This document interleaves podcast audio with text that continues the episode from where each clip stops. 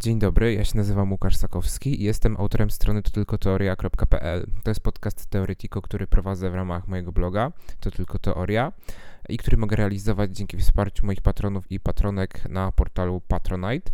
Szczególne podziękowania dla Marcina Stana, który jest moim długoletnim, hojnym patronem. Jeżeli chcą Państwo wesprzeć moje, moją działalność e, prowadzenia bloga, pisania artykułów, nagrywania podcastów, e, walki z pseudomedycyną, pseudonauką, to zachęcam do wejścia na e, patronite.pl łamane na to tylko teoria i zapisania się jako mój patron. Są tam różne kwoty wsparcia do wyboru od 5 zł wzwyż.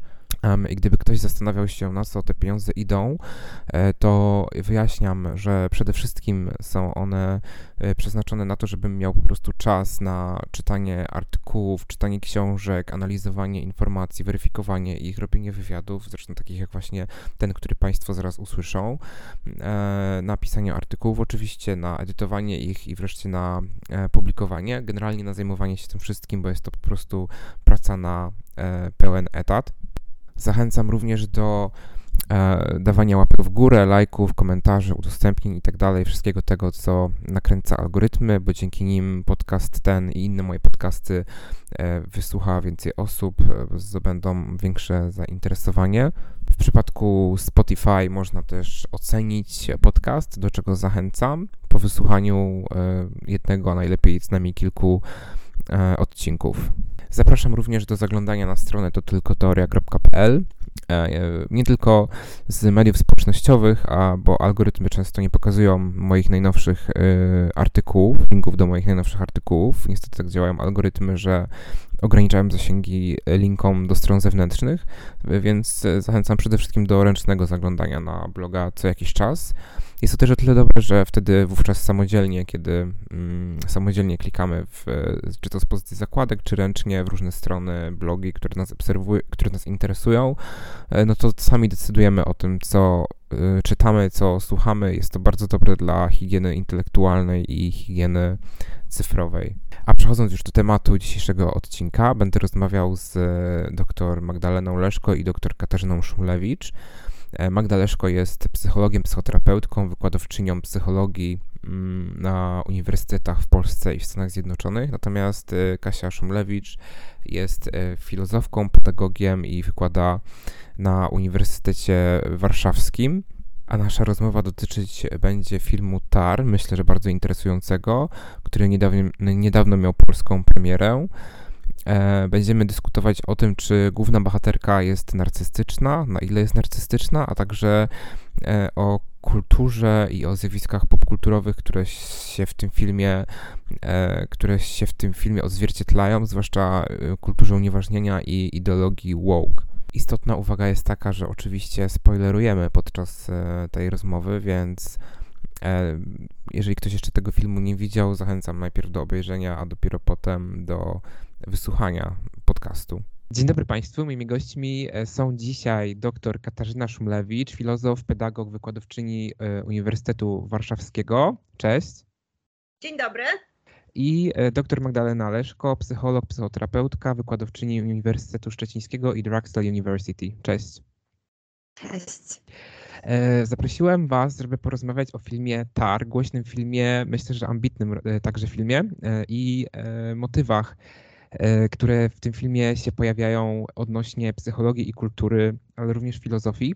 Moja hipoteza jest taka, e, hipoteza wstępna jest taka, że po pierwsze główna bohaterka Tar, Lydia Tar, czyli Diatar, jest, e, ma narcystyczne zaburzenia osobowości, a po drugie, że film w sposób subtelny i niejednoznaczny krytykuje ideologię woke i cancel culture, zwaną też kulturą unieważniania.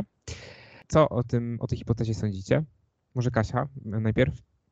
E, ja bym, e, ja bym oddała głos Magdalenie, bo mi się wydaje, że oczywiście ona ma takie narcystyczne cechy, ale mi się te cechy wydają, mm, jakby to powiedzieć, ona jest przedstawiona bardzo negatywnie. E, I te cechy po prostu są, są jej, w jej wyposażeniu ze względu na to, że ta postać jest w ogóle przedstawiona negatywnie, bo to nie jest studium przypadku narcyzmu.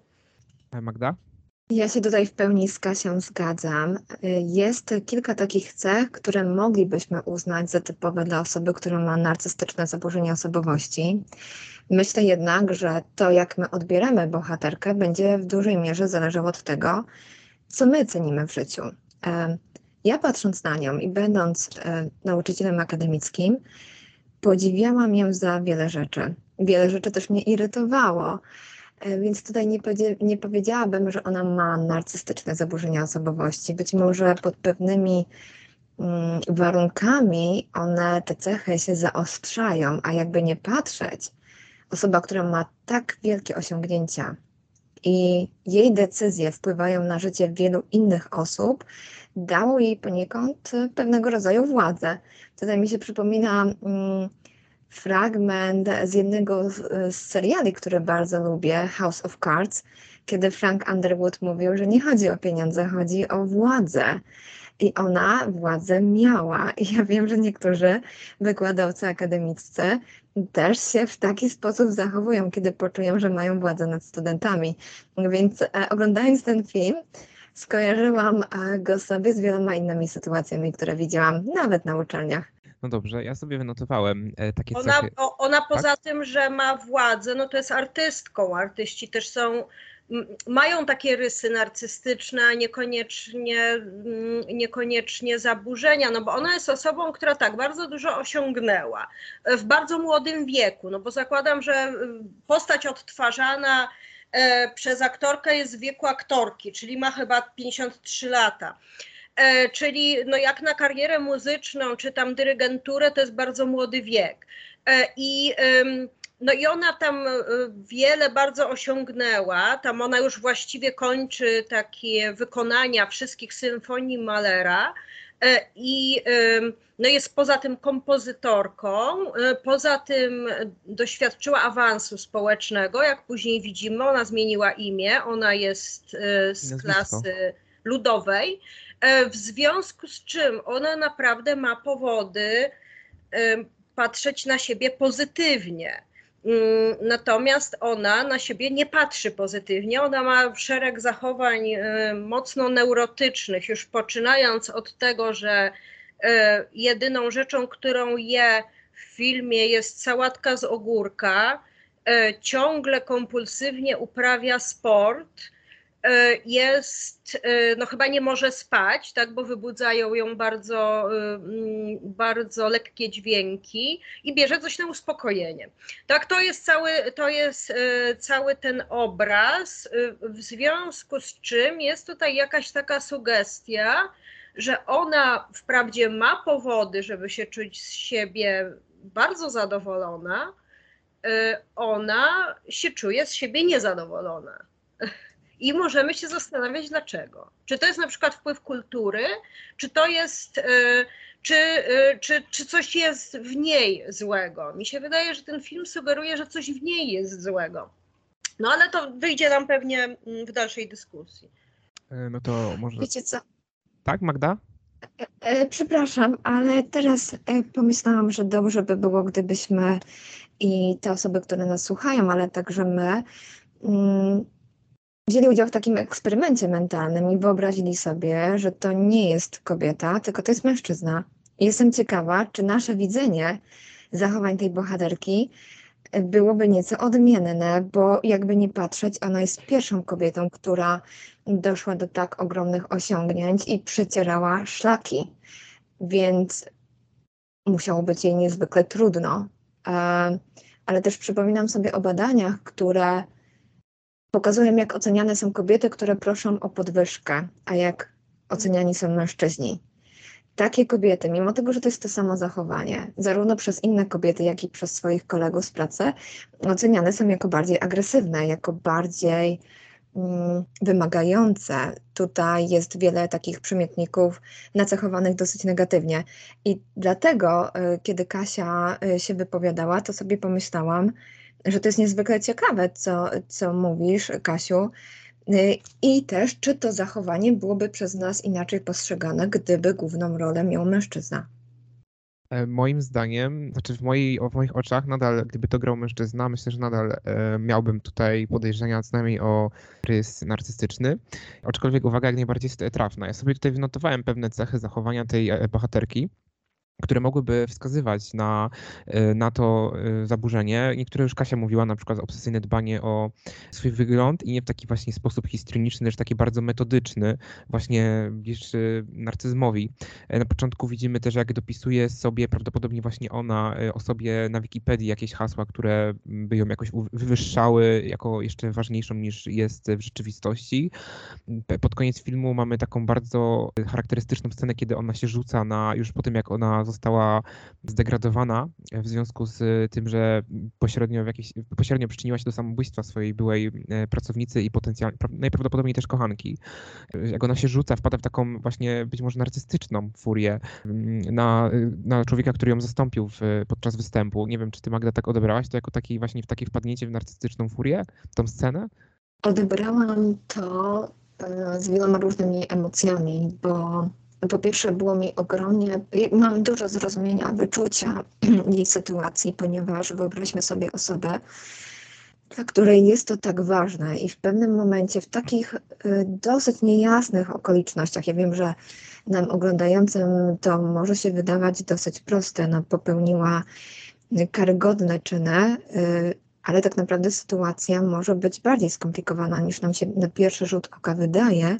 I w pewnym momencie przez, e, nazwijmy to teraz w celach roboczych, pomówienia, tracisz prawie wszystko. Zostajesz zdegradowany. No, to się wszystko odbywa też za Twoimi plecami. Jak byś się czuł? We mnie byłoby dużo złości. E, nie wiem, jak bym się zachowała. Trudno mi ocenić swoje zachowanie, gdyby doszło do takiej sytuacji. Jednak to było okropne, co się wydarzyło. Jednocześnie dziwne byłoby, gdyby zareagowała z, ze stoickim spokojem. Ale zarazem wpadła w furię, to nie była reakcja tak, ale, zła. ale y, ja, tu, ja, się z tym, ja się z tym zgodzę, też bym wpadła w agresję. Wydaje mi się, że agresja jest tutaj właściwym y, właściwym sposobem reagowania, bo ona była ogólnie taka mocno wygaszona, taka stonowana, też jej praca tego wymagała. Przecież ona nawet tam w mówiła w pewnych momentach, że chodzi o czas, tak? chodzi o, ten, e, o, to, e, o to czekanie na właściwy moment. I ona jako, jako osoba bardzo zdyscyplinowana, no przecież ona straciła wszystko, ona straciła też rodzinę to, a, on, a on ją zasadniczo okradł, no, z tego co zrozumiałam, z jej własnej kompozycji. Mm, więc e, no, tutaj agresywne zachowanie jest jak dla mnie uzasadnione i po prostu patrzymy na to w taki sposób, że to jest kobieta, że to nie jest kobieta lat 25 i takiej osobie agresja bardzo nie przystoi. Natomiast gdyby była nie wiem, trzydziestoparoletnim mężczyzną, którego okradł inny mężczyzna z jakiegoś jego dzieła sztuki, to byśmy popatrzyli na to jako zupełnie naturalne zachowanie, wybuch agresji. E, no właśnie, ja tak nie odebrałem tego filmu, że tam była kradzież. Ja bardziej zrozumiałem, że to było jakieś zagmatwanie w związku z tą, że ona gdzieś to chyba zostawiła, nie, nie odebrałem tego jako kradzież. Jeżeli by to faktycznie miała być kradzież tej, e, tej, tego układu muzycznego, to, to znacznie, znacznie łatwiej byłoby to uzasadniać. No ale cech, które by wskazywały na taką narcystyczność jest więcej. Ja sobie odnotowałem na przykład arogancja, wyższość, nieprzyjemność w kontakcie z pracownikami. Tutaj ty Magda mówiłaś o pomówieniach, ale jednak fakt te maile, które faktycznie te maile, w których ona tą samobójczy, kobietę, która się zabiła, jakoś tam wysyłała do różnych ludzi ze środowiska maile, żeby jej nie zatrudniano. No jakby taki mobbing tam to e, też wchodził, wchodził w grę. E, tutaj dalej sobie wynotowałem unikanie emocjonalnej zależności, co widać zwłaszcza w jej rodzinie. E, swoją żonę traktuje instrumentalnie i przedmiotowo, bez uczuć i namiętności. Jej żona o imieniu Sharon sama też e, wytyka Lidii, że traktuje ona ludzi transakcyjnie. Tam chyba nawet takie właśnie określenie padło, że traktujesz ludzi transakcyjnie. E, poza tym przelotne, narcystyczne psychozy i tutaj pytanie zwłaszcza do Magdy. Ja tak odebrałem tą scenę przede wszystkim w, jego na, za tą Olgą, za tą Rosjanką, która tam została świeżo przyjęta, idzie do, i później schodzi do piwnic, tam jakiś pies się nagle pojawia. Zastanawiałem się właśnie właśnie, czy to nie była psychoza. Ja to tak odebrałem, czytałem też analizy i e, no, nie jest to niejednoznaczne, ale miałem w, w, od, od, odniosłem wrażenie, jakby to była taka przelotna psychoza. Co to o tym, Magda, sądzisz? E, ciekawe to spostrzeżenie. Przyznam, że y, chciałabym wrócić do tego fragmentu ze względu na to, że kiedy y, ona szukała Olgi w takim dosyć nieciekawym miejscu, a poczułam się, jakbym chodziła gdzieś po pracy e, południe w Warszawie i y, pomyślałam sobie, że w takich miejscach jak to, które zostało przedstawione w filmie, to zdziwiłabym się, gdyby w ogóle nikogo nie spotkała E, z tego co pamiętam, opowiadała, że zaatakował ją inny mężczyzna. E, ja chyba zwróciłam uwagę na to, że ona upadła i tak. pomyślałam sobie, że może ta historia była dorobiona o tym, że została zaatakowana, bo nie chciała przyznać się do tego, że uciekając przewróciła się w dosyć bolesny sposób. Ale tak było. Um, ona oszukała po prostu, że, że ktoś ją uderzył. Ona mhm, upadła. Dokładnie. Tylko dlaczego upadła? przewróciła się na schodach, ale sama ta scena, tam się pojawił nagle pies, nie wiadomo skąd, ona tam słyszała jakąś muzykę, jakby ktoś tam grał na fortepianie w tych piwnicach. No ta scena była bardzo tak. taka Halucynacyjna. No tak, ale w filmie nie każda halucynacja w filmie, czy nie każde jakieś symboliczne rozegranie jakiejś kwestii jest oznaką psychozy bohatera, bo my też, to, bo to niekoniecznie my widzimy to, co ona.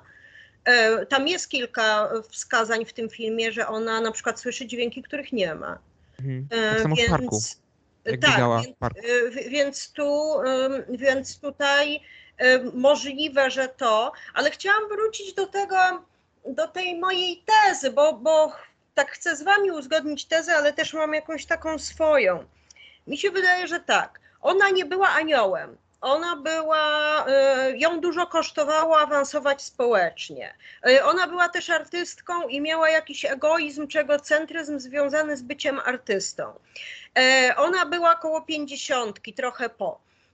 I, I tutaj ta kategoria płci, zastanawiamy się, co, co ona w tym filmie oznacza. Otóż ta bohaterka jest zniszczona o wiele mocniej niż byłby zniszczony analogiczny mężczyzna, za o wiele głupsze rzeczy niż byłby zniszczony mężczyzna, bo tam na przykład padają e, przykłady tych dyrygentów, którzy po prostu poparli Hitlera i nie złamało im to kariery.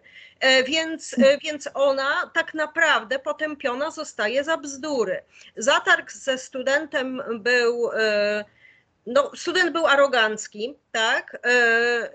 I, I tutaj każdy wykładowca mógłby powiedzieć, że jeżeli ten student nie chce się uczyć Bacha, bo Bach miał za dużo dzieci, e, to, e, no to po prostu takiemu studentowi się mówi do widzenia, tak? No jeżeli on nie chce, jeżeli on chce... E, ty, tylko wejdę w słowo, ty już mówisz o innej scenie, w sensie ja mówiłem wcześniej tak, o tej ale nie, ale, ale także te jej romanse. My nie mamy dowodu, że ona miała romans z którąkolwiek z tych kobiet, zarówno Christą, jak i Franceską, jak i Olgą, E, ona sobie o nich fantazjowała, ona je faworyzowała. Być może te kobiety robiły z niej właśnie sobie w jakimś sensie żarty. Być może Krista rzeczywiście nie była bardzo zdolna i tylko dlatego awansowała na tę dyrygentkę, że jej się podobała. E, tak samo zresztą, no bardzo dziwna sytuacja z tą Franceską, no bo dlaczego dyrygentka zostaje jej asystentką? No to, to nie jest w ogóle, ale, ale tutaj, e, ale tutaj mo, możliwe jest to, że, że Christa rzeczywiście nie była dość zdolna i że tak samo jak z tym głuchnącym członkiem orkiestry, ona no, postąpiła według jakiejś racjonalności. No ta sztuka musi być perfekcyjna, no nie mogą być, no jak jej przechodzi jakaś namiętność, czy e, no to, no to już dąży do tego, żeby, żeby rolę odgrywała osoba, która jest do tego e, najlepiej predysponowana. No w związku z czym, tak, no te jej sprawstwo tego, tego samobójstwa nie zostało udowodnione, co zresztą film podkreśla, że jest to, e, że jest to sprawa mm, otwarta. I, no i tutaj no, to, to są, no generalnie po prostu chodzi o to, że te wszystkie rzeczy, za które ona została potępiona, to y, biorąc pod uwagę, no ja przeczytałam biografię Malera, ponieważ ona wykonywała Malera. E, i tam była mowa o miłości Almy Maler i samego Malera, to jak Alma, w której się wszyscy kochali w tamtym czasie, była traktowana przez tych mężczyzn jako takie trofeum, wszyscy byli narcystyczni, wszyscy, wszyscy czuli się szczęśliwi, jak mogli się po, pochwalić taką ładną żoną. Miała tych mężów kilku, miała romanse z jakimiś najważniejszymi artystami. Mm, e, więc e, no, samo, samo to porównanie, że Mahler, twórca wspaniałej, bardzo takiej, bardzo takiej namiętnej muzyki, bardzo takiej zdrowej, jakby można powiedzieć, był tak okropnym człowiekiem dla kobiety, tak dla, dla swojej partnerki. Na przykład ona, ona komponowała, on jej zabronił komponować, jego żona nie będzie komponowała. E, więc, więc tutaj, jeżeli, jeżeli patrzymy na to, to widzimy, że bohaterka nie tylko jest oceniana zupełnie inaczej, e, z punktu widzenia jakiejś takiej zawiści czy, czy takiej niechęci do ludzi, którzy osiągnęli sukces, ale także film ją przedstawia e, raczej negatywnie. Magda, a ty co uważasz? Wiele myśli mi się nasunęło. Y, myślę, że to, co Kasia mówi i w ogóle ten film, co pokazuje, to to, jak bardzo skomplikowany jest człowiek. To nie jest y, taka postać zero-jedynkowa. Y, ja zwróciłam szczególną uwagę na to, jak ona płynnie przechodzi od bycia mm, taką kokieteryjną, bardzo profesjonalną, kobiecą kobietą, a tak to bym powiedziała, chociaż nie wiem, czy to poprawne, do takiej męskości. To jest genialna aktorka, ja bardzo ją cenię e, i myślę, że to jest idealna rola dla niej, e, ale u niej widać tą płynność przechodzenia od jednej roli do drugiej, takiego modyfikowania, dopasowania się do, do różnych do różnych ról, do tego, z kim akurat rozmawia. Można by powiedzieć, że to pewnego rodzaju manipulacja, ale podsumowując, ja bardzo zgadzam się z tym, co y, Kasia mówiła, bo rzeczywiście ona została ukarana dosyć surowo, unieważniona. Wszystkie jej osiągnięcia też bardzo dużo straciła. Podziwiam to, że mm, pracuje nad tym. Myślę, że tak film się kończy, pokazując, dając nam nadzieję na, na to, że ona pracuje nad tym, żeby wrócić do tego świata, chociaż nie wiem, czy jej się to uda. Jest to trochę mm, też takie symboliczne, bo nie wiem, czy zwróciliście uwagę, że ona na samym końcu e, dyryguje utworem, który dotyczy, y, ma w nazwie Monster i być może reżyser też próbował wskazać na to, że dyryguje tym utworem, a została w filmie przedstawiona jako taki potwór. I dla tak, to, to bardzo, tak, to bardzo, mm, to bardzo ciekawe. Ja się zastanawiam jeszcze nad jedną sceną. Ta scena mnie jako pedagoga bardzo uderzyła, mianowicie to, jak ona zastrasza koleżankę swojej córki. To jest, to jest jakaś taka potworność. E, nie dość, że przedstawia się jako mężczyzna, nie wiadomo dlaczego, to jeszcze mówi do tego dziecka jak postać z horroru, i grozi. Grozi dziecku pobiciem chyba, jeśli dobrze pamiętam. To jest straszne. Mhm. To jest, e, no w ogóle ta jej relacja z tym dzieckiem, prawdopodobnie adoptowanym, bo nie, niepodobna do tych pań i za mała trochę na ich wiek, mm, to, e, no, to, to jakby pokazuje, że mm, ja nie wiem, czy ja czegoś nie dopowiadam, to mnie skorygujcie to pokazuje, jakby, jakby reżyser chciał powiedzieć, czy jakby kultura chciała powiedzieć, chcesz zająć męskie miejsce, nie powinnaś być matką, bo zatracasz, e, bo zatracasz macierzyńskie umiejętności. Ona jako matka jest straszna. One w ogóle mieszkają w takim domu, który się nie nadaje dla dziecka. E, I przecież ten dom jest strasznie wielki, jakiś taki szarobury, taki betonowy, taki brutalizm. No to w ogóle nie jest miejsce dla dziecka, które potrzebuje przecież kolorów, zabawek. Tam prawie nie ma zabawek tej dziewczynki. No i do tej koleżanki podchodzi w taki sposób totalnie niepedagogічny pedagogiczne. No wiadomo, że każdy, kto ma małe dziecko, to przeczytał milion poradników, e, jak się, e, jak się zachowywać, jeżeli dziecko ma kłopoty z rówieśnikami. No to, to jest ostatnie, co można w ogóle zrobić. To podejść do um, dziewczynki, która jest dla niej niemiła i powiedzieć, że, że dostanie bęcki, jak, e, jak będzie jeszcze kiedykolwiek niemiła. To brat może zrobić coś takiego ewentualnie, no ale, nie, ale, nie, ale nie matka czy ojciec. No. Więc mhm. tutaj taka tutaj taka jakby, nie wiem jak to powiedzieć i nie wiem, czy to na zwróciliście na to uwagę, ale jakaś taka niepotrzebna potworność. No ja właśnie, e, właśnie to jest jedna kolejna z tych cech, które dla mnie przemawiały jednak za tą jej, e, za tą jej narcystycznością. Tu Magda mówiłaś o tym przechodzeniu, takim płynnym, manipulatywnym przechodzeniu z roli do roli. Dla mnie to też e, jednak świadczy o takim pewnym odgrywaniu siebie, a nie autentyczności. Zresztą tak samo jak zwracam do mojej listy, nieoddzielanie życia prywatnego i intymnego pomiędzy, intymnego od zawodowego, niska empatia wobec pracowników, a nawet partnerki, na przykład ta scena, kiedy e, ta jej partnerka na coś zwraca uwagę, kłócą się i ta partnerka mówi, że e, i, i ta, ta Arka, że tej swojej partnerce Sharon wysiąść z samochodu po prostu i żeby sobie poszła dalej. Ona tam chyba miała coś z sercem i coś, bo, zaczęła panikować, bo to taka trochę historyczna, histeryczna była ta jej partnerka ludzi, których uznaje gorszych za siebie, nazywa, e, tu cytuję, robotami, bo tak o nich mówi. Poza tym ma takie poczucie, tutaj wracam do listy, um, uprawnienia do czegoś, co normalnie uchodzi za złe, niemoralne i, i zakazane, na przykład grzebanie w e, korespondencji elektronicznej tej swojej asystentki Frances Franceski.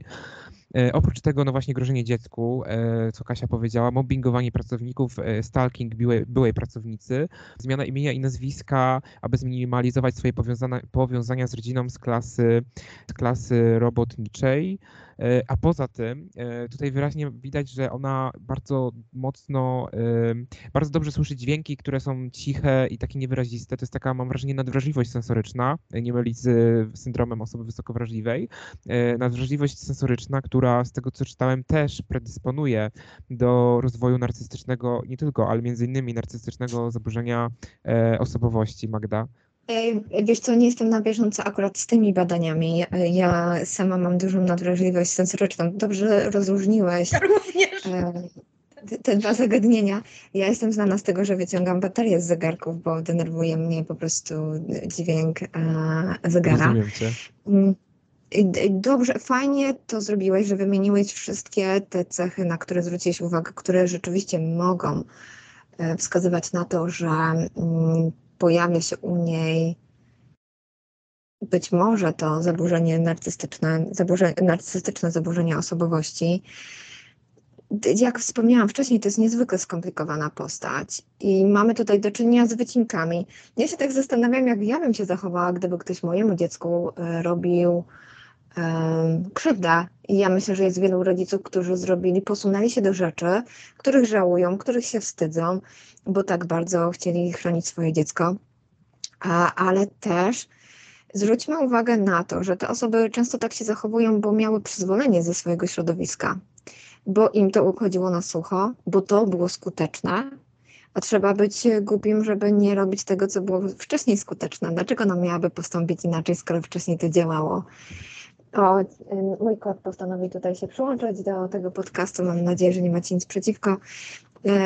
I wracając do, do tematu, to e, przypomniał mi się też, też film, nie wiem czy, czy widzieliście, czy Państwo, którzy nas słuchają, oglądali, ale polecam jako uzupełnienie film Wimplash, jeden z moich ulubionych.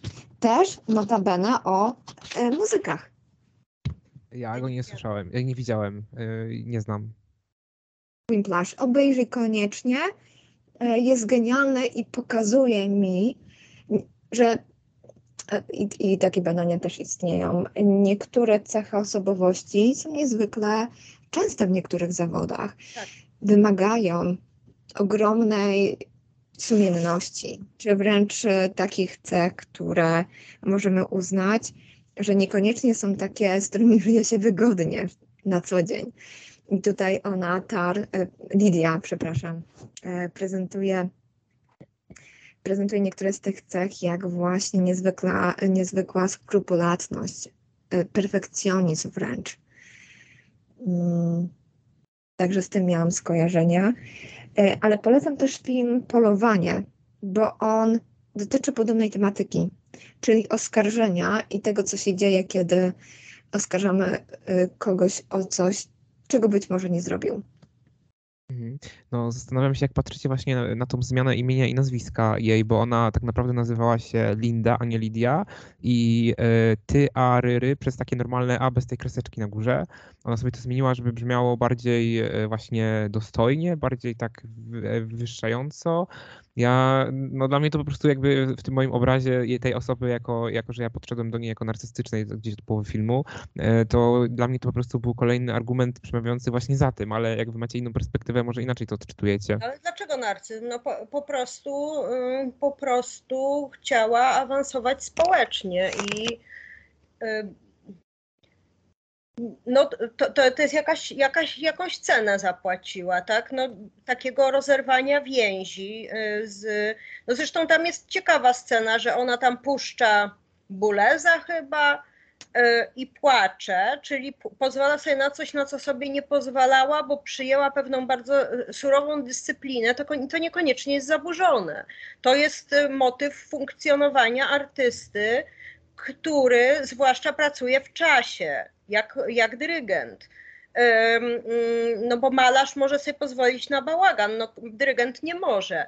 Więc ona, y, więc ona osiągnęła te wszystkie nagrody, te wszystkie rzeczy za sprawą bardzo silnej dyscypliny, a dyscyplina niekoniecznie świadczy o narcystyczności. Moim zdaniem właśnie ta postać mogłaby odnieść sukces, gdyby nie to, że mm, jakby mm, dwie rzeczy są przeciwko niej.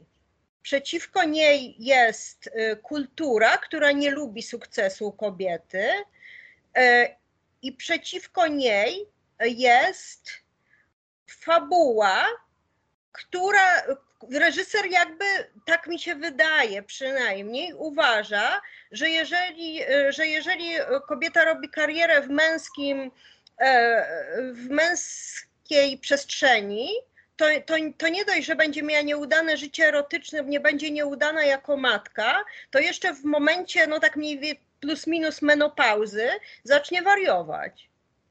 Czy, nie, no nie widzi, nie wiem, no ja widzę coś takiego właśnie, że, że tutaj ona zostaje oskarżona o właśnie celowo jest to tak pokazane, że ona zostaje oskarżona o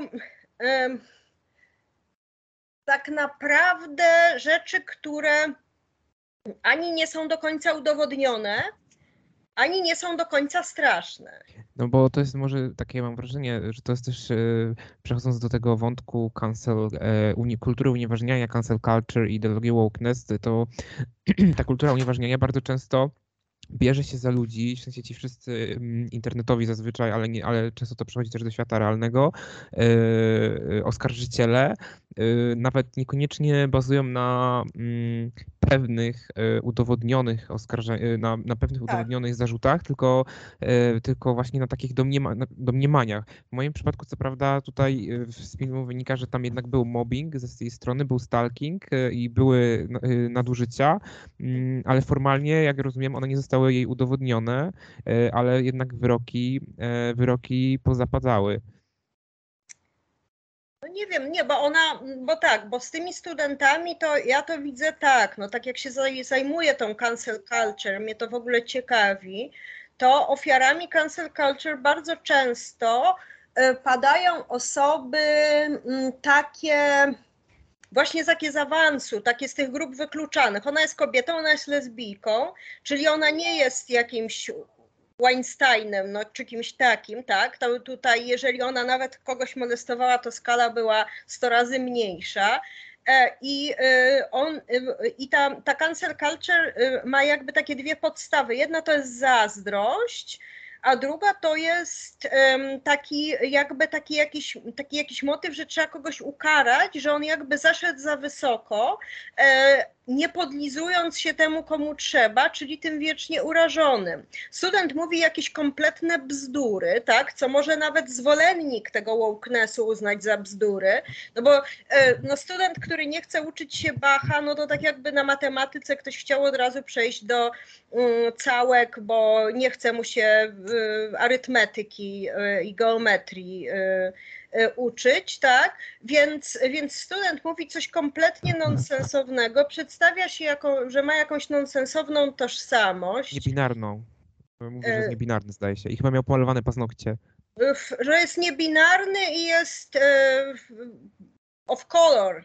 No on jest taki no, taki miesza, mieszany, taki czarny w ogóle ewidentnie nie jest, ale, ale nie jest e, biały, no czyli widzimy, że jest e, człowiekiem, który, którego stanowczo nikt w życiu nie wykluczał i który jest prawdopodobnie mm, z całkiem dobrej rodziny, którą stać na bardzo dobre studia, E, I y, to, to, co on zarzuca Bachowi i to, co on zarzuca jej, bo on na nią mówi chyba suka czy coś takiego. Tak, przy wyjściu.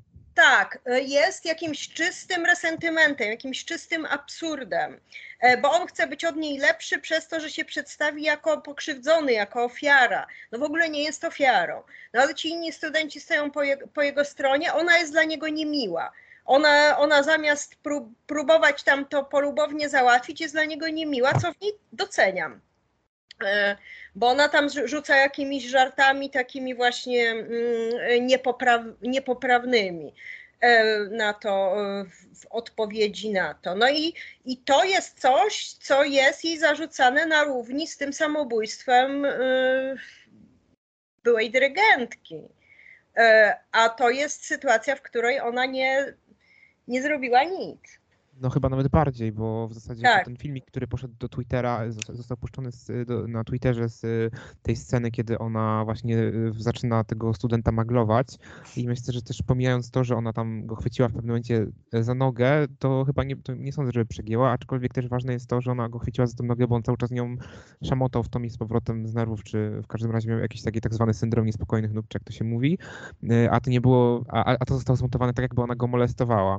Nie wiem, Magda, jak ty... No nie, bo ją to denerwowało, bo ona była bardzo perfekcyjną osobą i perfekcyjne osoby są strasznie wkurzone, jeżeli ktoś na przykład dłubie w nosie albo yy, bawi się włosami albo coś takiego. A ty Magda, co sądzisz o tej scenie ze studentem niebinarnym? E, jedna z najlepszych scen w tym filmie, e, ale odniosę się a propos tej sceny i tego, o czym teraz rozmawialiście, o bezrefleksyjności, która myślę, że jest jeszcze coraz bardziej obecna. Czyli zobaczę jakiś artykuł, nawet nie doczytam, nie zainteresuję się, kim tak naprawdę był Bach, e, co on osiągnął, ale ponieważ moi znajomi go krytykują, to ja też wpadnę w ten wir. Robi nam się potężna grupa.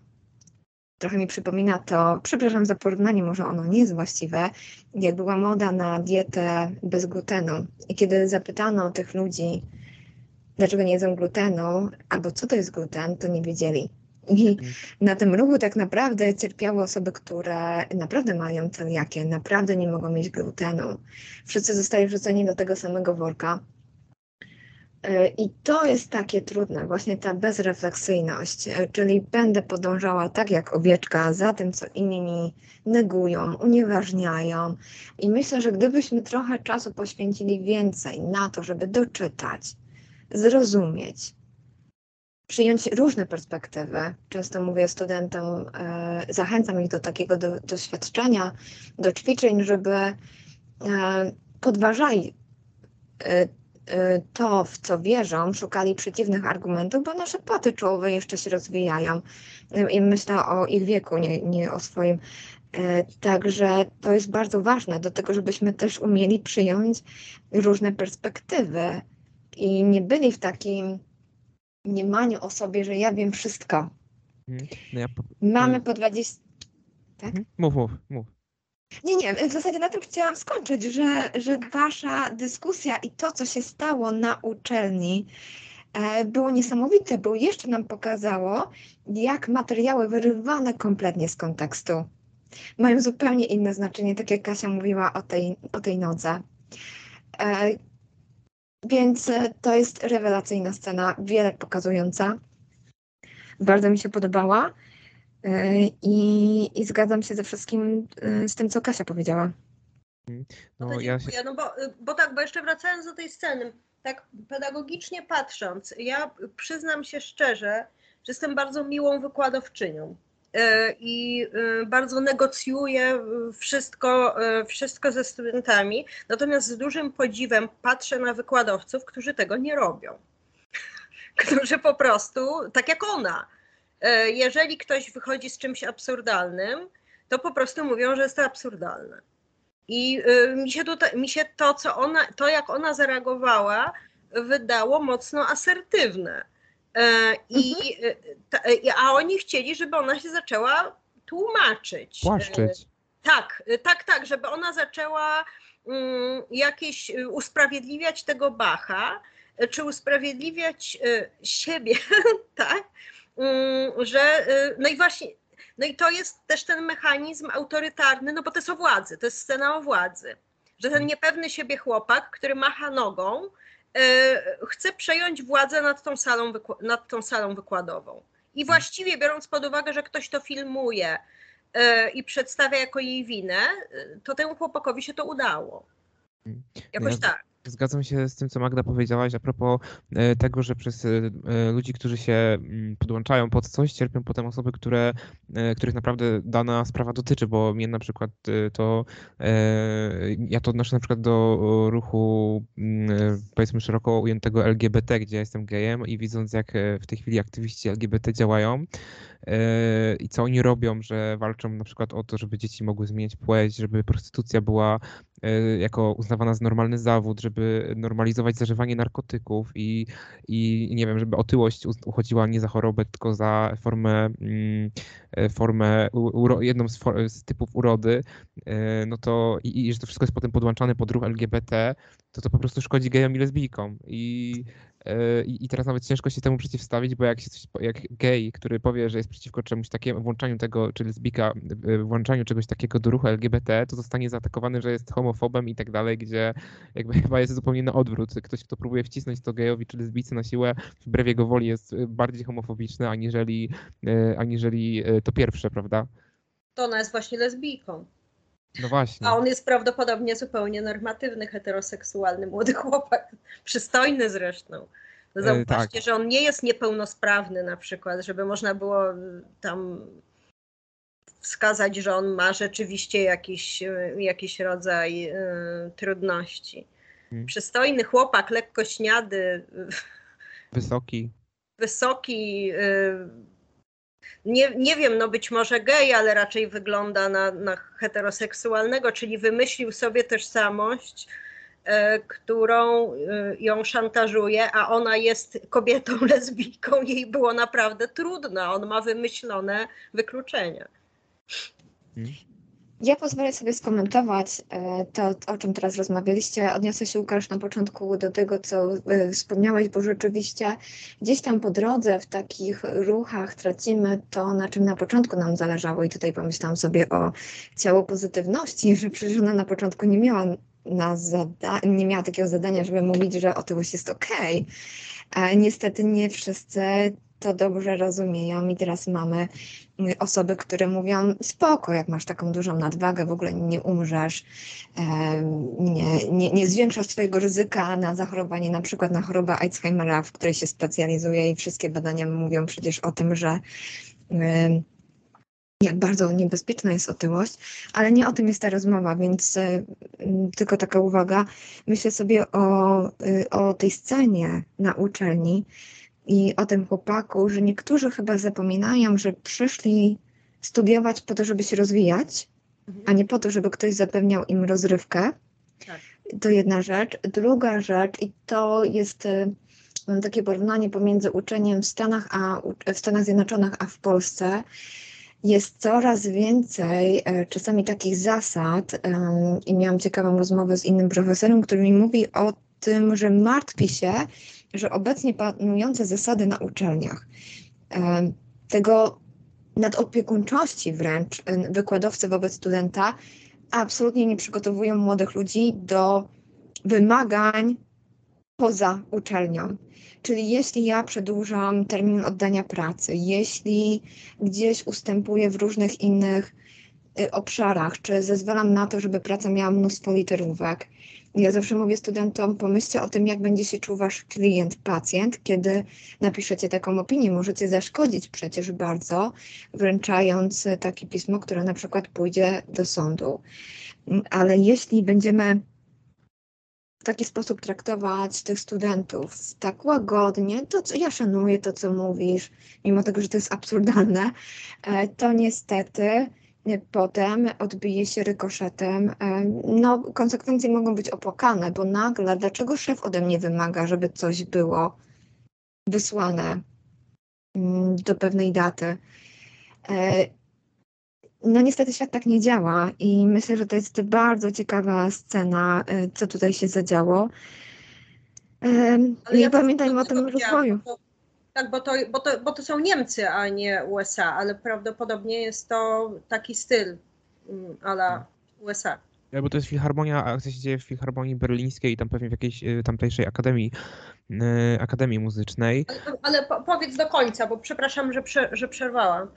E, nie, nie, nie, wiesz co, y, ja myślę sobie też propos tego, co się zadziało z medią tutaj w tym filmie, jak łatwo jest, Kasia, myślę, że potwierdzisz, studenci wypisują ewaluację anonimowo. Jak łatwo można zniszczyć też takiego wykładowcę, kiedy na przykład student dostaje dwóje. Nagle się okazuje, że jesteś psychopatą. Myślę o takich różnych przypadkach, z którymi tak, się spotkałam. Ale ja mhm. Ostatnio trafiłam na, taki, na taką jakąś ankietę. Dla mnie to jest taki wytwór wokenessu, y, innego, y, mhm. innej gałęzi niż LGBT. Mianowicie tam było pyta były pytania, czy spotkałeś się z przemocą? Przemoc była z, z, y, zdefiniowana jako mikroagresja i tam były takie pytania, czy spotkałeś się na przykład ze złym spojrzeniem, z negatywnymi słowami, czy te słowa się powtórzyły, mimo że, e, e, mimo że e, z, dałeś znać, dałaś znać, dałoś znać, tak, bo to było w super inkluzywnym języku, że ci się to nie podobało. Ja sobie pomyślałam, przychodzi do mnie student, który nie przeczytał lektury. Mówię, wpisuję panu nieobecność, bo pan nie, nie przeczytał lektury. Potem on robi to samo. Ja mu wpisuję znowu nieobecność za to, że nie, wpis, że nie przeczytał lektury. No to on już dwa razy padł ofiarą przemocy. Tak? No, tak. Znaczy, nawet, nawet żeśmy na, jakimś, na jakiejś takiej konferencji y, uczelnianej się zastanawiali nad tym, nad tymi ich ewaluacjami. E, na przykład, jak oceniasz y, jak oceniasz wiedzę wykładowcy, albo jak oceniasz sposób przekazywania wiedzy wykładowcy. To, jest, no to są w ogóle dziwne pytania, ponieważ one zakładają, że oni wiedzą lepiej niż wykładowca, co on ma wykładać. E, I, e, I wtedy ktoś, kto będzie im zapewniał rozrywki all the time, to będzie najlepszy wykładowca.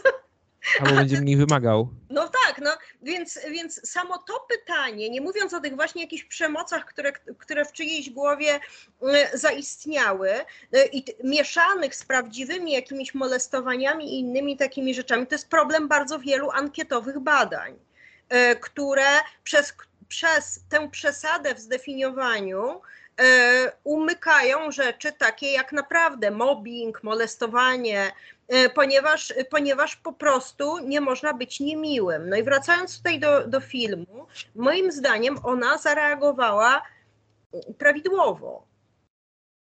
No ja, e, takie pytanie właśnie chciałem wiążące się z tym kolejnym, czy postępowa lesbijka, którą jest ta Lidia Tar, może być, zarazem reprezentować stary porządek, konserwatyzm i dziaderstwo. tak jest tak. trochę...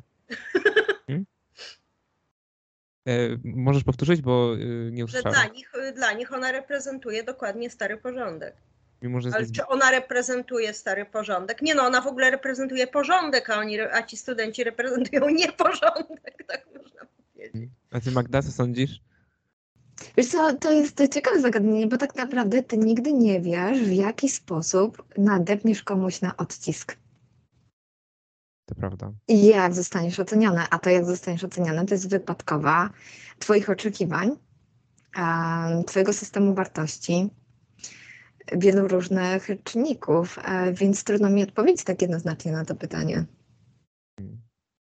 No, moim zdaniem też y, jest tak, że jednak e, studenci są zbyt pobożliwie traktowani e, i myślę, że na uczelniach ja studiowałem parę lat temu i bardzo cenię moje studia, natomiast już takie pojedyncze sytuacje, które w tej chwili zdają się być coraz częstsze, miały miejsce e, właśnie takiego pobłażania nadmiernego. E, więc a wyobrażam sobie, że w Stanach Zjednoczonych, czy pewnie w Berlinie, czy nie wiem, może w Sztokholmie, może w Paryżu, to też może być e, problem. Chociaż też tutaj przytoczę ciekawą anegdotę, że ważną w ogóle, że na przykład w Francji wprowadzono prawo, które zakaz, powoduje, że jeżeli ktoś zostanie nakryty na korzystaniu z e, sztucznej inteligencji, czatu GPT do wykonywania jakichś prac i tak dalej, to po prostu jest wyrzucony z uczelni i nie ma w ogóle nie tylko wyrzucony z uczelni, ale też ma, będzie miał utrudnione zaczęcie studiów na innych e, uczelniach, bo jakby to, to że oszukiwał, mhm. E, że plagiatował i tak dalej, no bo tym jest korzystanie z chatbotów e, w takim, w takim celu, będzie miał utrudnione w ogóle, w ogóle studiowanie. A teraz chciałem zapytać o scenę dosyć ciekawą, mianowicie mm, Lidia, kiedy Lidia idzie do salonu masażu, chyba w, na Filipinach czy, czy w Malezji, i jest tam podprowadzona do akwarium, gdzie są kobiety z ręcznikami i każe sobie i, i prowadząca ją tam każe jej wybrać osobę, którą chce do tego właśnie tego masażu. Ja odczytałem tę scenę trochę w taki, w trochę jakby mm, taką analogię do tego, jak ona sobie wybierała te dyrygentki pod siebie i te swoje asystentki i tak dalej. Odczytałem też to, jakby to w ogóle był dom publiczny, w sensie po prostu, żeby te, że te kobiety, że to nie był zwykły e, e, przybytek do masażu, tylko przybytek do e, uprawiania prostytucji. I że trochę właśnie to miało tak metaforycznie pokazać, że ona z jednej strony instrumentalnie traktuje ludzi, a z drugiej strony, że um, żeby pokazać obrzydzenie do niej samej. Zresztą ona w ogóle potem wybiega stamtąd i wymiotuje. Wy co myślicie?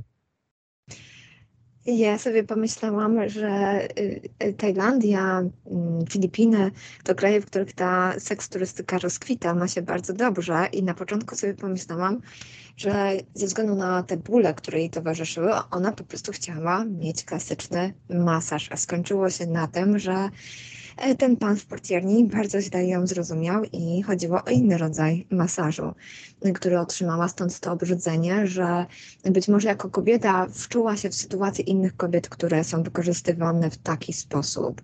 Stąd też e, te wymioty, bo to nie, ona tego nie chciała.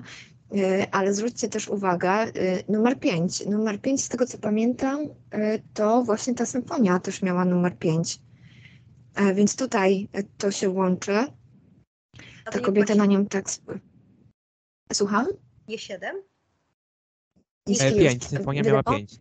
Nie miała 5, aha, okej. Okay. Mhm. I ona też wybrała kobietę, która ma e, numer 5 e, na swoim szlafroku. Trudna scena. To jest okropne, jak ludzie są traktowani i że ten biznes rozkwita. Myślę, że nie, nie te osoby, które tam pracują, a osoby, które z tego korzystają, powinny się wstydzić. Mm, ja w taki sposób odebrałam tę scenę, że ona chciała czegoś innego, a poczuła obrzydzenie tym, co miała dostać. Ty, Kasia? Tak, ja się zgadzam. Znaczy, dla mnie ta scena była taka trochę halucynacyjna. Y, w ogóle już cały ten, ta, cała ta końcówka y, taka była trochę nierealna. Y, I ale tutaj, no Łukasz powiedziałeś, że ona instrumentalnie traktuje ludzi, że jej partnerka jej to y, wyrzuca. Ale ja właśnie nie wiem, no bo Tar jest y, romantyczna.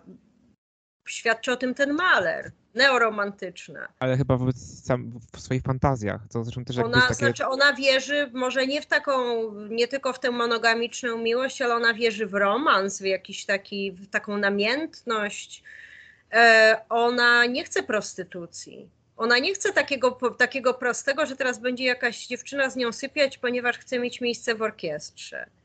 Ona chce wzajemności. E, dlatego ta Olga ją tak, e, no bo ta Olga ją tak wyśmiewa jakby tak. ignoruje ją. Jak tam gdzieś były na jakimś wieczorze i potem były w hotelu razem, to ta Olga najpierw tam ta Tarium gdzieś zaprasza, ona mówi, że nie ma czasu, a potem Tarium spotyka na korytarzu, jak Olga gdzieś cała wyszykowana wychodzi, więc de facto ją zignorowała. No bo wychodziła na spotkanie z jakimś chłopakiem, no bo nie, nie, jest prawdopod- nie była prawdopodobnie lesbijką, ale ale tutaj, y, ale tutaj jest. Y, znaczy, ja, ja miałam takie podejrzenie, czy te poprzednie dziewczyny też jej tak nie potraktowały. Czy to nie były tylko fantazje, te, te jej romanse z nimi. No bo, bo o Christie wiemy tylko, że się śni yy, tar. Jest taki jakiś znak, się pojawia jakiś taki, taki, takie sześciokąty czy coś takiego, gdzie to był chyba tatuaż tej, tej Kristy. Mhm, tak, no ale to są, to, to, to być może się odbywa e, w fantazji. Tego, tego nie wiemy, to jest jedno z licznych e, niedopowiedzeń. E, i no tutaj Tar marzy o miłości, jakiejś takiej romantycznej, jednocześnie chce mieć ten monogamiczny związek, Mi się wydaje, że jej relacja z partnerką wcale nie jest taka zła, znacznie gorsza jest jej relacja z dzieckiem. Tam między nią a partnerką jest jakieś ciepło właśnie takie. Ja tego nie, od, nie, nie Tak? zauważyłem. Jak ona tam na przykład e, w pierwszej scenie, kiedy ona wbiega do tego mieszkania, znaczy wchodzi do mieszkania, ta jej partnerka tam histeryzuje, że coś ma z sercem.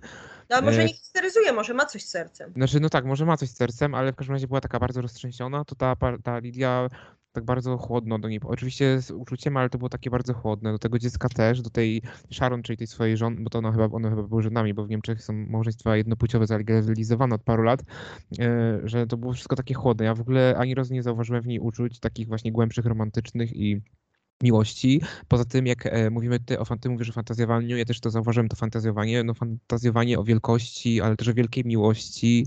Tak. E, to też jest przecież objaw narcystyczności, prawda? No nie, nie tylko. O, ja też. Pa... Jest wiele, przepraszam, Kasiu, powiedz.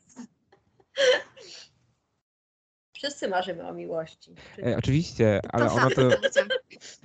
Oczywiście, ale ona robi to, w- no, w zasadzie żyje momentami bardziej tymi fantazjami niż, e, niż rzeczywistością. W każdym razie ja nie zauważyłem e, w niej tego, co wy mówicie, że wy widziałyście, e, ale zastanawiam się teraz, e, zastanawiam się teraz e, a propos zakończenia jeszcze e, i, i takiego spięcia e, z tych wszystkich metafor dotyczących narcyzmu, e, czy, mm, bo ja jak oglądałem ten film, miałem też takie skojarzenia z portretem Doriana Greya, z tą XIX-wieczną klasyczną powieścią Oscara Wilda. E, No mi, mi te Lydia Tar przypominała właśnie Doriana Greya. Mm, A wam? Ja wrócę do tego filmu, który polecałam, Whiplash. Ja myślę, że jeśli go obejrzysz, znajdziesz tutaj wiele podobieństw. Okej. A mi się, mi się podoba, zresztą my już rozmawialiśmy o tym, mi się podoba to porównanie. Znaczy i w tym sensie ona byłaby mm, taką, no właśnie ta prawdziwa ona, starzejąca się, tyjąca, czy, czy coś tam, no jakieś, jakieś zwykłe rzeczy, y, została w tym domu z tym bratem, jako Linda i, tam płacze, a tutaj jest perfekcyjna, y, totalnie. Mhm. Taka. Zresztą ja jeszcze chciałam zwrócić uwagę na kolory na koniec. E, Dla mnie ten film był interesujący i- poruszał wiele ciekawych wątków, natomiast ja go zmysłowo odebrałam negatywnie. e, W sensie takim, że e, ja jestem w ogóle fanką muzyki neoromantycznej. E, I e, ta, to było tak, e, tak absolutnie niemalerowskie, cały ten film. Zauważcie, że on był beżowo-szary. Tar się ubierała zwykle na czarno, czasem w ciemny zielony. Tam w ogóle nie było kolorów, nawet, nawet w pokoju dziecka. Kolory były dopiero na samym końcu, w tym jakimś takim półhalucynacyjnym tripie po Azji. Mm, I, e, no i właśnie się zastanawiałam na, też nad tym, dlaczego ona jest jakaś taka, wy, że dlaczego ta, to jej życie jest takie wyprane z koloru. Takie, no znaczy, no możemy powiedzieć, że rzeczywiście sale koncertowe są brązowe czy beżowe, e, ale dlaczego tak wygląda jej dom? Zwłaszcza ten dom z żoną. E, e, dlaczego tak e, wyglądają jej ubrania? Dlaczego to jest wszystko w takiej jakiejś ascetycznej stylistyce? I od razu poddam wam pewien trop, nie wiem czy on jest słuszny ponieważ taki minimalizm charakteryzuje właśnie klasę wyższą. I ona być może po, pochodzi właśnie z jakiegoś środowiska, w którym się płakało, krzyczało, kolorowo ubierało, kłóciło, e, miało pretensje, natomiast wchodząc do tego świata geniuszu, e, perfekcji i tak dalej, ona przybrała taki uniform czarno-szaro-beżowy. Ja się tak uśmiecham, ponieważ Państwo nas nie widzicie, ale to jest akurat zabawne tutaj, ponieważ ja, Kasia opowiada teraz o kolorach i ja też zwróciłam uwagę na kolory w tym filmie. Byłam nimi wręcz zachwycona. estetyką, minimalizmem. E, ja mam na sobie białą koszulkę, czarny sweter. Kasia ma na sobie białą koszulkę z różnymi kolorami. I to jest niesamowite, jak my wychodzimy z różnych perspektyw i zwróciliśmy uwagę e, na kolory, ale zupełnie inaczej je interpretujemy. Mnie podobało się to, że ona miała te idealnie skrojone garnitury. I myślę sobie, że my bardzo często w naszym życiu godzimy się na byle jakość.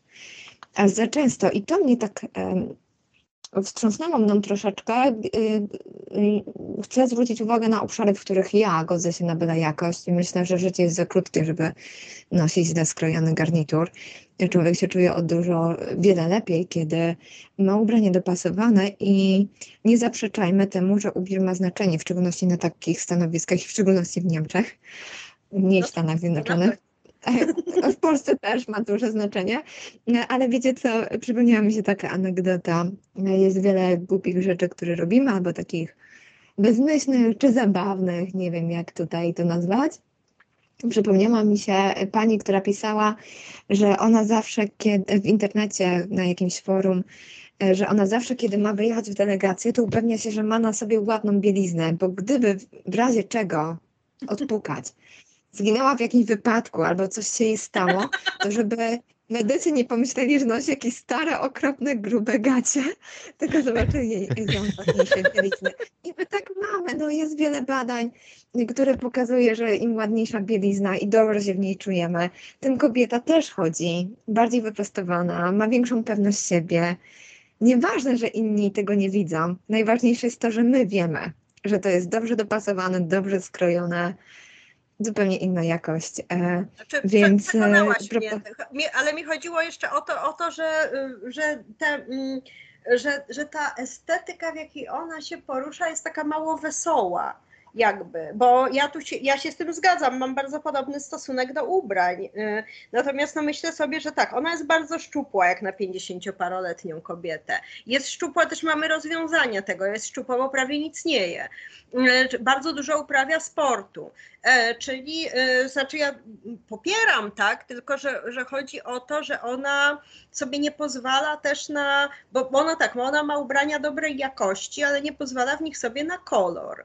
E, ona, mm, ona jest właśnie taka bardzo mocno stonowana. To, to jest jakieś, ona w tym wygląda bardzo dobrze, ona jest przepiękna. Tam w ogóle wszyscy są ładni w tym filmie.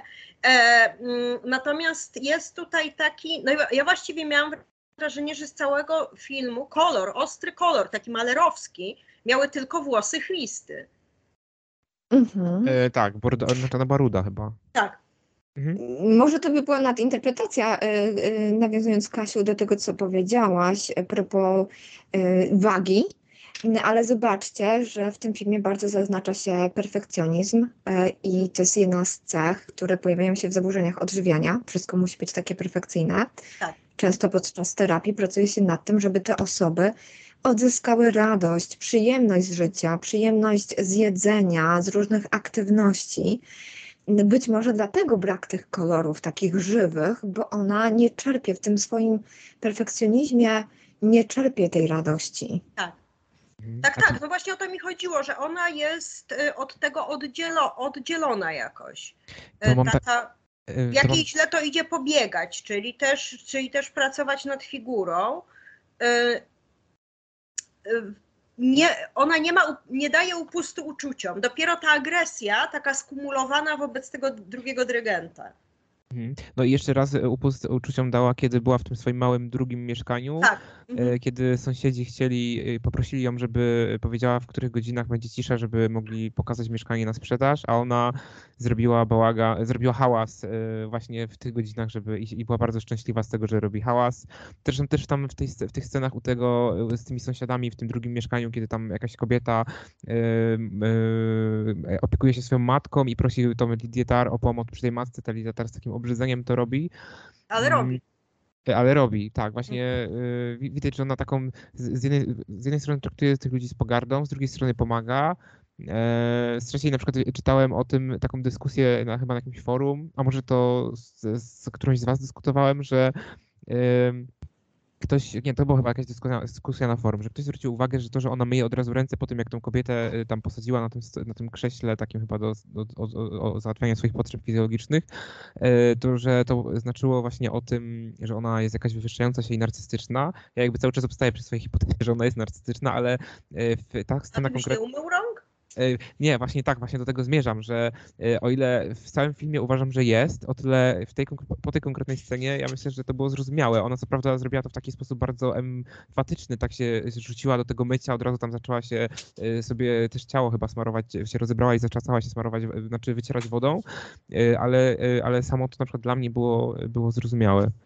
To był chyba kontakt ze śmiercią, bo tak ta matka chyba umarła po, po, tej, po tej interwencji. Ona tak, krótko potem umarła, ale wiecie co, ja y, nie widziałam tego dobrze, bo ten obraz był dosyć szary.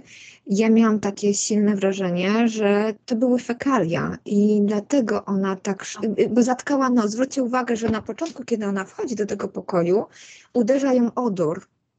Mhm. I pomyślałam sobie, że, że e, zresztą było widać na plecach coś e, tej kobiety, która leżała na podłodze, że być może po prostu e, to szybkie umycie się i to obrzydzenie, które możemy widzieć, myślę, że towarzyszyło, towarzyszyłoby każdemu z nas, było spowodowane tym, że miała kontakt z, odchodami. Bardzo możliwe. To znaczy w ogóle, bo, bo tak, życie y, y, Lidii, czy też Lindy jest bardzo czyste, bardzo sterylne, bo to jest może to słowo na te, na te jej wnętrze inne takie rzeczy, no ale czasami jest złamane. Na przykład jest złamane właśnie tą sceną, jak również tą sceną w tym jakimś takim pustostanie, gdzie, gdzie szuka tej Olgi. E, I tam się jakby styka z brudem, no i jeszcze czasami biega przez jakieś takie właśnie podejrzane mm, okolice, takie, y, takie, no takie, które mogą się kojarzyć z jakimiś, nie wiem, bezdomnymi narkomanami czy kimś takim. E, Ale ogólnie ona się od tego oddziela ze względu właśnie na to, że mm, być może ona to zna w jakimś sensie, że ona właśnie swój awans klasowy traktuje jako takie zm- zmycie z siebie wszystkiego, co, e, co takie niższe. Schemat e, wstydu tutaj się uaktywnił. Tak. Myślę, że terapeuci e, schematu e, mogliby wiele na ten temat powiedzieć. To nie jest wcale takie rzadkie, że pragniemy się wtedy odciąć od naszego pochodzenia. E, A mi takie spontaniczne e, pytanie jeszcze przyszło do głowy. E, Jeśli macie jeszcze chwilę. Ty, ty Magda, co, jako psychoterapeutka, co byś powiedziała Lidii Tar, gdyby przyszła do ciebie po całej tej historii i po tym koncercie na końcu, który, o który jeszcze zaraz na koniec, sam koniec zapytam, i po prostu przyszła do ciebie na psychoterapię, to jak, w, w jakim kierunku byś starała się y, poprowadzić rozmowę, czy na co zwróciłabyś uwagę? To jest bardzo dobre pytanie, jednocześnie bardzo trudno jest na nie odpowiedzieć, bo dużo zależałoby od tego, nad czym Lidia chciałaby pracować, czy nad tym, żeby pomóc jej z lękami, czy z objawami depresji, jeśli jakieś ma. Na czym by jej zależało? Wszystko by zależałoby, wszystko zależałoby od celu, który byśmy sobie ustaliły podczas naszych spotkań. Czyli niejednoznaczne. A ty, Kasia, y, jak, znaczy to nie wiem, że nie jesteś psychoterapeutą, ale jako pedagog, jak byś odpowiedziała? Ja bym jej powiedziała, że nie, że nie jest potworem.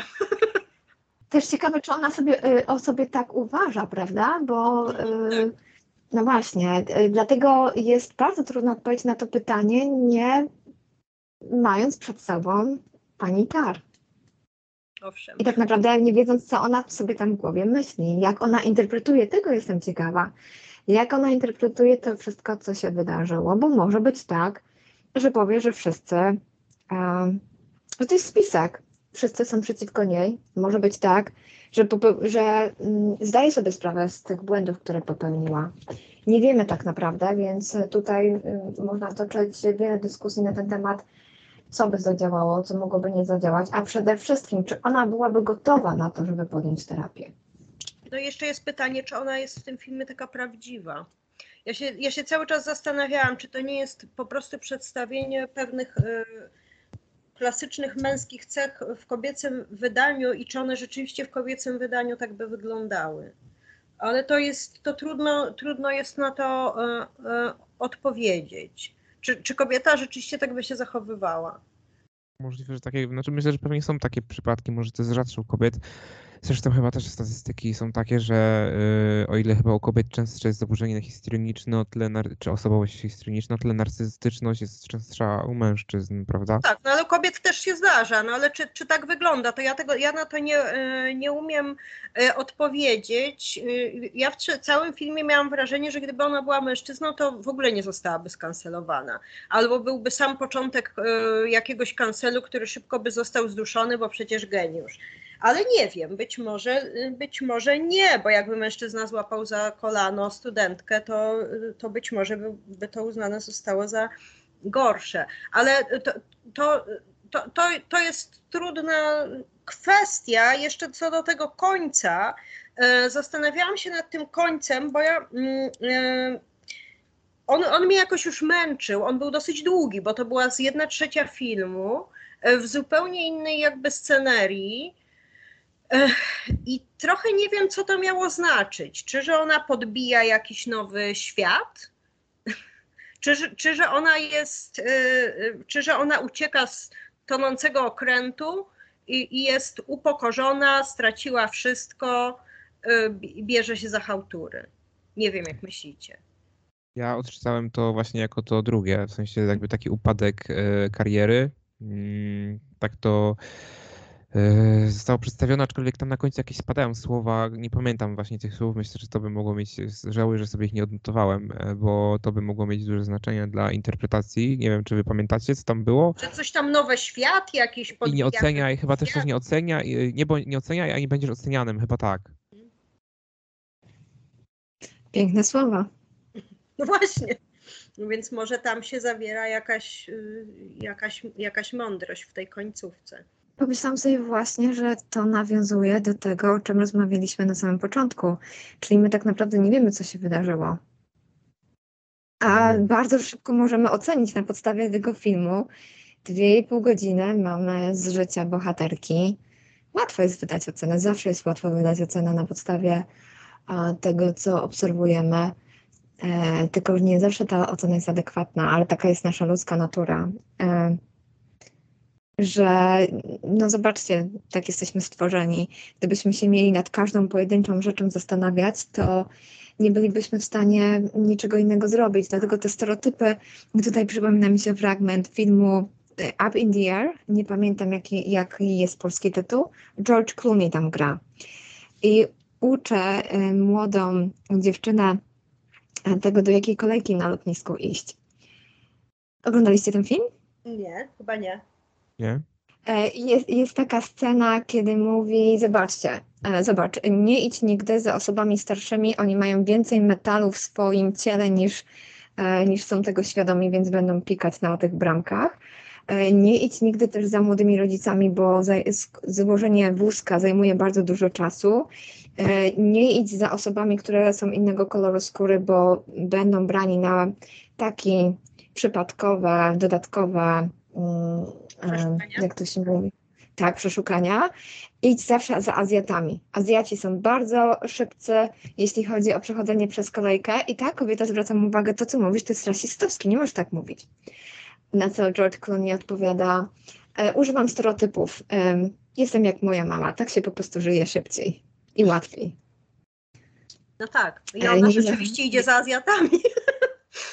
Tak, ja nie zachęcam do tego, żeby używać stereotypów, tylko opowiadam o tym, bo chcę podkreślić to, że no nie obwiniajmy się, że my też oceniamy, bo taka jest ludzka natura.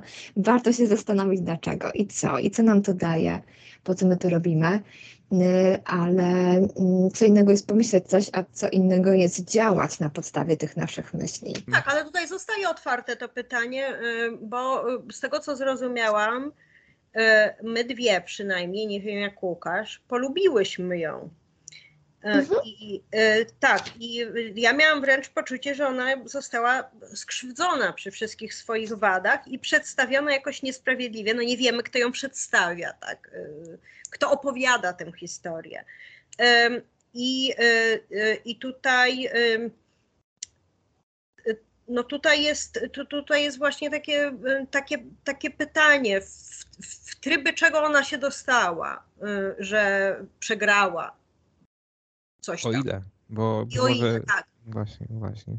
E, ja e, na sam koniec już powiem, że nie powiem, że jej nie polubiłem całkowicie, natomiast na pewno mm, nie budziła we mnie tak ciepłych odczuć jak w was. Może z tego powodu, że po prostu jestem, e, nie, jestem mężczyzną, a nie kobietą, więc ciężej mi było się dostrzec te zjawiska dotyczące płci, o których wy mówiłyście. A może też dlatego, że po prostu jestem, jestem mam znacznie bardziej umysł taki ścisły niż artystyczny i, i, i, z tego powodu może też to do mnie nie przemawiało. No dobra, to dzięki Wam bardzo za rozmowę. Dziękuję Dziękujemy. bardzo. Moimi gośćmi były dr Katarzyna Szumlewicz, pedagog i filozofka z Uniwersytetu Warszawskiego oraz dr Magdalena Leszko, psycholog, psychoterapeutka e, z Uniwersytetu Szczecińskiego i e, Drexel University. Do usłyszenia. Był to podcast Teoretico. Jeśli się Państwu podobał, to zachęcam do polubienia, skomentowania, udostępnienia, wystawienia pozytywnej oceny.